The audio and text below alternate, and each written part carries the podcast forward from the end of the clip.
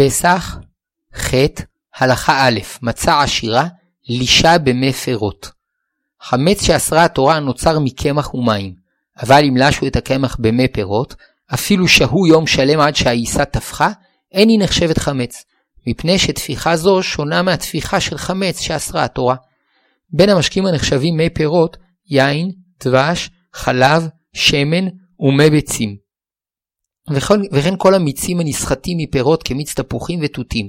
וכיוון שמי פירות אינם יכולים להחמיץ, מותר בפסח ללוש בצק במי פירות, ולאפותו ולאוכלו.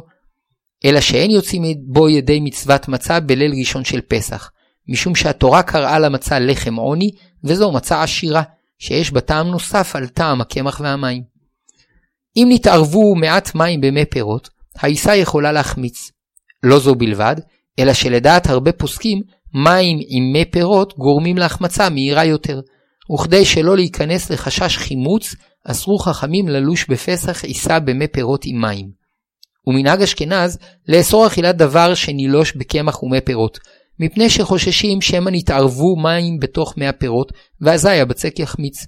ועוד, שחוששים לדעת רש"י החולק על רוב הראשונים, וסובר שגם מי פירות לבד יכולים לגרום לחימוץ דה רבנן. ואף שמעיקר הדין היה אפשר להקל כדעת רובם המכריע של הפוסקים, מנהג אשכנז להחמיר ואין לשנות.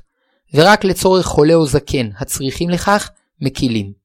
גם מבין הפוסקים הספרדים, רבים כיום מחמירים, מפני שהתברר שבדרך כלל מוסיפים למי הפירות מים וחומרים נוספים, ואזי ישנו חשש גדול שמא נוצר חימוץ אסור במצה העשירה. פסח, ח', הלכה ב', אין החמצה אחר אפייה, ודין מצה שרויה. אחר שנשלמה האפייה של המצה, נתבטל כוח החימוץ שבקמח, ואפילו אם ישרו את המצה במים זמן רב, לא תחמיץ. סימן להשלמת האפייה של המצה, שקרמו פניה, ואם יפרסוה, לא יימשכו ממנה חוטי בצק. וכיוון שמצה שנשלמה אפייתה אינה יכולה להחמיץ, מותר להשרותה במרק. וזקן או חולה שאינו יכול לאכול מצה יבשה בליל הסדר, רשאי להשרות את, הבמצ... את המצה במים, ולאכול אותה רכה.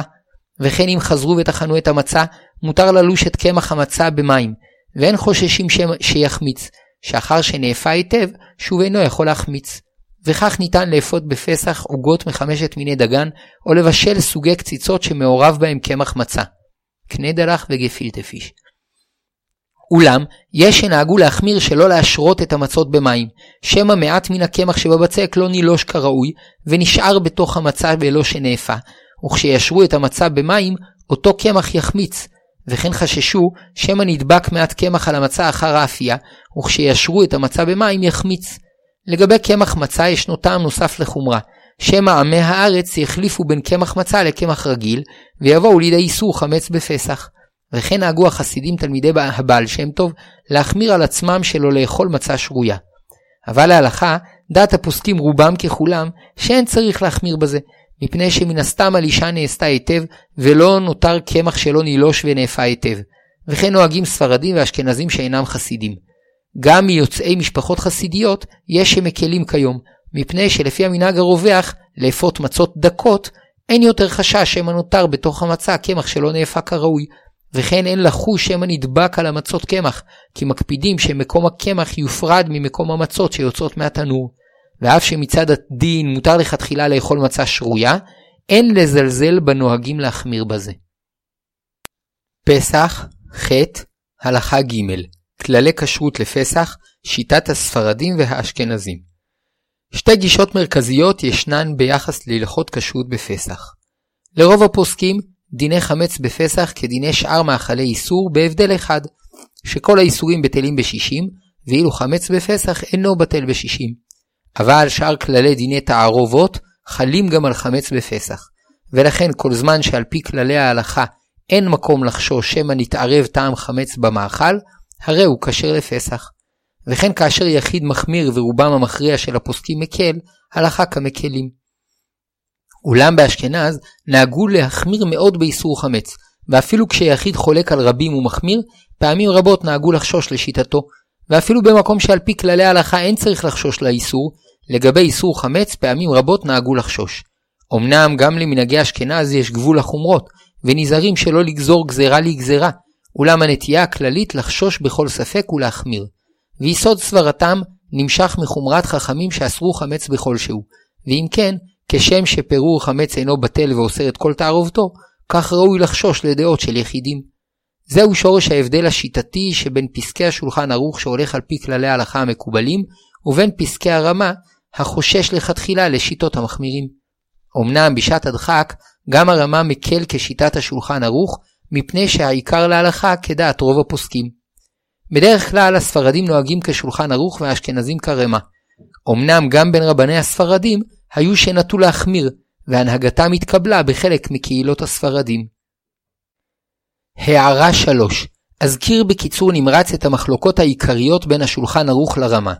א', בסימן תמ"ז במחלוקת הראשונים אם חמץ בפסח חוזר ונאור, כיוון שהוא ספק דה רבנן, פסק בשולחן ערוך כדעה מקלה שאינו חוזר ונאור, והרמה בתערובת יבש מחמיר שחוזר ונאור. אמנם בלח גם הוא מקל שאינו חוזר ונאור. ב. בסימן תמ"ז, דבר שלא נשמר לפסח, אך לא נתגלתה בו רעותה. לשולחן ערוך כשר, לרמה לא כשר. ג. תמ"ז, נותן טעם לפגם שנתערב בפסח. לשולחן ערוך כשר כדעת רוב הפוסקים, ועוד שהוא ספק דה רבנן לכולה, ולרמה נהגו לאסור. ד. תנ"א, לשולחן ערוך הולכים בהגעלה אחר רוב תשמישו, לרמה אחר תשמישו החמור. ה. תנ"א, בדין הכשרת מחבת, לשולחן ערוך בהגעלה, לרמה מלכתחילה בליבון קל. ו. תנ"א, מדוחה של חמץ וכלי לישה, לשולחן ערוך בהגעלה, לרמה בליבון קל. ז. תנ"ג, מנהג קטניות המפורסם. ח. תס"ב, מצה עשירה, קמח שנילוש במי פירות. לשולחן ערוך כשר, לרמה חוששים שמא התערבה בו טיפת מים ואולי החמיץ. ושם סעיף ד' כתב הרמה שאין מקלים בזה אלא בשעת הדחק לחולה. ט. תס"ז חיטים או שעורים שנמצאו בתבשיל ולא נתבקעו, לשולחן ערוך התבשיל מותר, ולרמה התבשיל אסור. י. תס"ז חיטה מבוקעת שנמצאה בתבשיל, וכן בתמ"ז א', לרמה שורף הכל, לשולחן ערוך מוכר לגוי חוץ מדמי החיטה. י"א מצה שרויה, מנהג חסידים לאסור. פסח, ח' הלכה ד' כללי ההשגחה לפסח. שאלה עקרונית בדיני הכשרות לפסח, מה דין המאכלים שבכל השנה אין רגילים לערב בהם חמץ, האם הם כשרים לפסח בלא השגחה, או שיש לחשוש שמא נתערב בהם באיזה אופן חמץ, ולכן בלא השגחה מיוחדת לפסח, אין לאוכלם בפסח. לשיטת בעל השולחן ערוך, כל זמן שלא יתעורר ספק ממשי שמא נפל חמץ מסוים לתוך המאכלים, או שנבלע בהם טעם חמץ על ידי שבושלו בכלים שבאותו יום בישלו בהם חמץ, אין לחו שמא יתערב בהם חמץ. אולם הרמה כתב לגבי כמה מאכלים שמנהג אשכנז להחמיר לכתחילה, שלא לאכול מוצרים שלא הושגחו במיוחד לקראת פסח. וזאת מפני שבכל השנה החמץ מצוי אצלנו, ואין רגילים להיזהר מפניו, ולכן יש חשש שנפל בלא משים לתוך המאכלים השונים, ועוד שיש חשש שמא ישתמשו בלא משים בכלים שבלוע בהם טעם חמץ. למעשה, כל גופי הכשרות נוטים כיום להחמיר כרמה, ואין נותנים כשרות לפסח בלא שנזהרים מחמץ בעת הכנת המאכלים לפסח. וייתכן שגם על פי השולחן ערוך כך צריך לנהוג כיום, מפני שבייצור המזון התעשייתי כל מוצר מורכב מחומרים שונים, ויש לחשוש שמא אחד מהם אינו כשר לפסח. ולכן יש להקפיד שלא לאכול בפסח מאכל שיוצר בבית חרושת שאין עליו חותמת כשרות לפסח. אולם, כאשר המציאות ברורה, פעמים רבות יהיה הבדל למעשה בין פסיקת השולחן ערוך והרמה. ואף שהעיקר להלכה כדעת השולחן ערוך, הנטייה כיום להחמיר, כדי שהמזון יהיה כשר לכל העדות, וכך אכן ראוי לנהוג במקום שאין קושי גדול להחמיר. אולם כאשר ההחמרה גורמת להפסד משמעותי, יש מקום לחזק את ההולכים בשיטת השולחן ערוך ורוב הפוסקים שימשיכו במנהגם. פסח, ח. הלכה ה' חלב מבהמה שאוכלת חמץ. שאלה שגדולי האחרונים עסקו בה היא מה דינו של חלב הבא מפרה שאכלה חמץ. ברור שאין בחלב עצמו תערובת חמץ, שכן החמץ שהפרה אכלה התעכל ושינה לגמרי את צורתו, עד שאינו נחשב יותר חמץ כלל. אבל מכוח אכילת החמץ, יכלה הפרה להפיק חלב, נמצא שהחמץ גרם ליצירת החלב, ואולי מפני שהחמץ אסור בהנאה, אסור ליהנות מהחלב שנוצר בסיועו. לגבי החלב שנחלב לפני תחילת זמן האיסור, מוסכם להלכה שהוא כשר לפסח, משום שלפני הפסח אין איסור ליהנות מהחמץ, וכשם שמותר למכור לפני פסח חמץ ולקנות בכסף זה מצות ולאוכלם בפסח, כך מותר לתת לפרה לפני פסח מאכלי חמץ, כדי שתפיק מכוחם חלב, שאחר כך נשתה בפסח. המחלוקת היא לגבי פרה של גוי, שאכלה חמץ לאחר שהגיע זמן האיסור.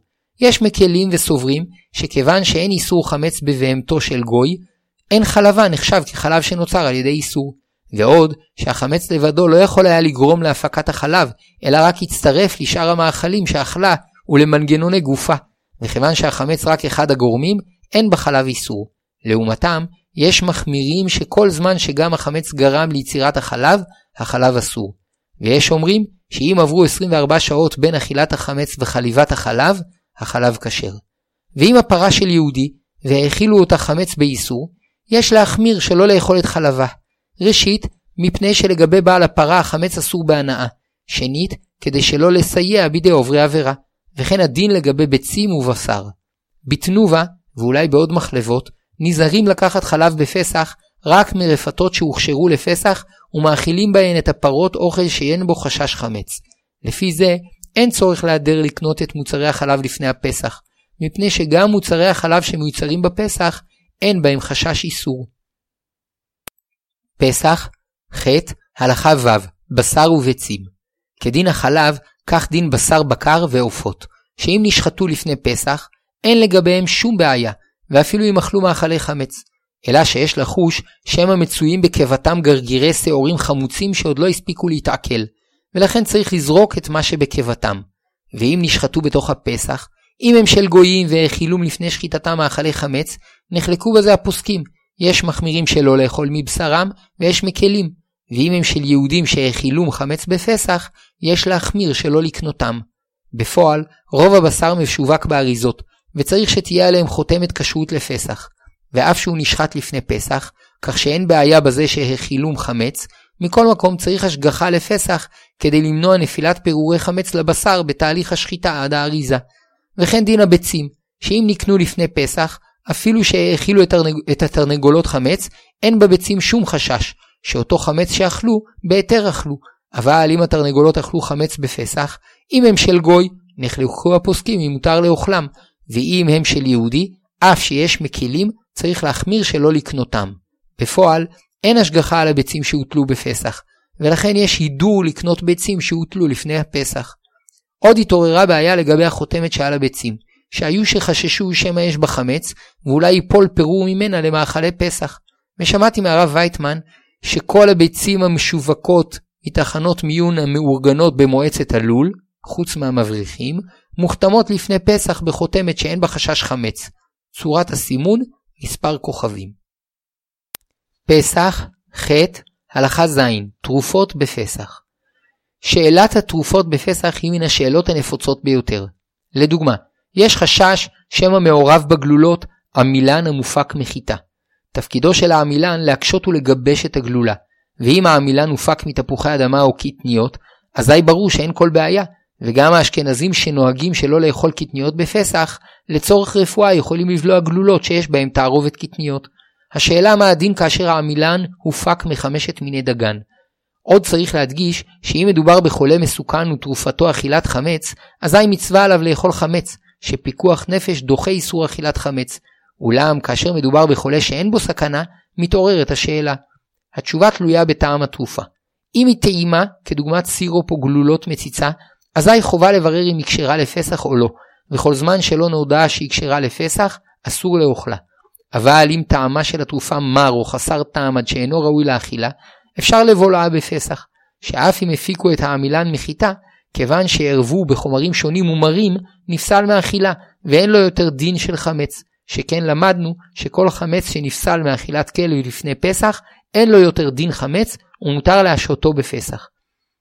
ואין לומר שמזה שהוא רוצה לבלוע את התרופה, הרי הוא מראה בעצמו שהחמץ שבתרופה חשוב עבורו, מפני שלא החמץ חשוב לו, אלא התרופה, והיא עצמה מרה ואינה ראויה לאכילה, ולכן החמץ שבה בטל ואין בו איסור. אמנם יש מדקדקים שמשתדלים לא לבלוע אפילו תרופות מרות שיש בהן תערובת חמץ, מפני שחוששים לדעת אותם הפוסקים בודדים הסוברים שהואיל והתרופה חשובה לנו, אין היא נחשבת פסולה מאכילת כלב, ואסור מדברי חכמים לבולעה. ויש שהתירו לבלוע תרופות מרות שמעורב בהן עמילן חמץ לחולים שנאלצים לשכב במיטתם או שכל גופם כואב, אבל החמירו למי שסובל מכאבים ומחושים קלים שלא ייטול תרופה זו. ודעת רוב הפוסקים שמותר ליטול תרופה מרה שיש בה עמילן חמץ לצורך כל חולה, ואפילו לצורך הפגת כאבים קלים או מניעת מחלות או חיזוק הגוף. למעשה, במצב שיש לאדם ספק שמא ערבו בתרופות המרות או חסרות הטעם עמילן חיטה, יכול לבולען ואינו צריך לבדוק אם יש בהן עמילן חמץ. שכבר למדנו שלדעת רוב הפוסקים, גם כאשר ידוע שמעורב בהן דבר חמץ, כיוון שנפסלו מאכילת כלב לפני פסח, מותר לבולען. וגם הרוצה לחוש לדעת המחמירים, כיוון שיש ספק האם בכלל מעורב בהן דבר חמץ, אין צריך לחוש. ובמיוחד כיום, שידוע כי ברוב התרופות אין מערבין עמילן חיטה, אלא עמילן תפוחי אדמה וקטניות. ולכן למעשה אפשר ליטול בפסח תרופות מרות או חסרות טעם שנועדו לבליעה, בלא לברר אם יערבו בהן דבר חמץ. ואם נודע שיש בהן עמילן חמץ, רשאי כל אדם לבחור כיצד לנהוג, אם כדעת רוב הפוסקים שהקלו, או כדעת המיעוט שהחמירו. פסח, ח', הלכה ח', חומצת לימון. בחומצת לימון משתמשים להתאמת מיצים, ריבות, ממתקים ומוצרי מזון שונים. בעבר היו מפיקים אותה מלימונים ומעוד פירות, וכיום מפיקים אותה באופן מסחרי מקמח חיטה. לדעת המתירים, אף שבתחילת התהליך מערבים את הקמח במים, וייתכן שהחמיץ, כיוון שבמשך התהליך ישנו שלב שבו הקמח מאבד את טעמו ואת מראהו ונפסל מאכילת כלב, בטל ממנו שם חמץ, ומותר אחר כך לאכול מוצרים שיש בהם חומצת לימון. לעומת זאת, פוסקים רבים החמירו, ולדעתם, רק חמץ שנפסל מאכילת כלב מחמת שנתקלקל, בטל ממנו שם חמץ. אבל חמץ שבכוונה גרמו לו שייפסל מאכילה, כדי שאחר כך יוכל לשמש להתאמת מאכלים, אינו בטל, ודינו כחמץ לכל דבר. אולם, הרב שער ישוב הכהן, רבה של העיר חיפה, בדק ומצא שאין בחומצת לימון כל חשש חמץ. ראשית, הקמח שממנו מתחילים את התהליך אינו מחמיץ, מפני שהוא שוהה במים 6 דקות בלבד. שנית, לאחר מכן מפרידים את העמילן שהוא אחד החומרים שבקמח, והעמילן לבדו אינו יכול להחמיץ. שלישית, חומצת הלימון אינה נוצרת מהעמילן עצמו, אלא מפטריות שניזונות מחומר שאחד ממרכיביו הוא אותו חומר שהופק מהעמילן, שלא החמיץ. פסח, ח', הלכה ט', סבונים וקוסמטיקה. נחלקו הפוסקים בשאלה מה דין מוצרים שנועדו לסיכת הגוף שמעורב בהם חמץ. ואומנם אין קרם או סבון העשוי מחמץ, אלא שלעיתים מערבים בסבונים או בשמפו או בקרמים, או בקרמים שונים, אלכוהול העשוי מחיטה, או חומרים אחרים שהופקו מחמץ, והשאלה מה דינם. יש אומרים שמדברי חכמים סיכה אסורה כשתייה, ולכן גם אם החמץ אינו ראוי למאכל כלב, כיוון שהוא ראוי לסיכה, עדיין שם חמץ עליו ואסור להשתמש בו בפסח. לכן צריך להשתמש בפסח בקרמים וסבונים ושמפו כשרים לפסח. ויש אומרים שחכמים אמרו שסיכה כשתייה רק לגבי איסור סיכה ביום הכיפורים ושמן תרומה, אבל שאר הדברים שהתורה אסרה התורה אסורים באכילה ולא בסיכה. ואף שהחמץ אסור בהנאה, כיוון שלפני פסח נפסל מהיות ראוי למאכל כלב, אין עליו יותר שם חמץ, ומותר ליהנות ממנו ולסוך בו את הגוף בפסח. וכיוון שמדובר בספק בדברי חכמים, הלכה כמקל, והמהדרים מחמירים, ויש להבדיל בין ארבע דרגות של סוגי תערובת חמץ, ורק בשתיים האמצעיות ישנה מחלוקת. א', במשחת שיניים חייבים להקפיד על כשרות לפסח, הואיל ויש בה טעם, והרי כשאר מוצרי המזון שחייבים להקפיד בהם על כשרות לפסח. ב', קרם שנספג בגוף, שפתון בלא טעם, ובשמים שיש בהם אלכוהול, הלכה כמקל, שאינם צריכים כשרות, כי אינם ראויים לאכילה, ואף המציאות היא שבדרך כלל אין מערבים בהם דבר חמץ. אמנם רבים נוהגים להחמיר לקנות קרמים ובשמים שיש עליהם כשרות לפסח. ג. סבון ושמפו, כיוון שנועדו לניקוי ולא כדי להיספג בגוף, יש יותר מקום להקל, ואף על פי כן יש מחמירים. ד. חומרי ניקוי, משחת נעליים וכדומה אינם צריכים שום השגחה, ואף חומרי ניקוי לכלים אינם צריכים השגחה, משום שטעמם פגום ואף אם ערבו בהם חמץ, טעמו נפגם לפני הפסח ואינו נחשב יותר חמץ כלל.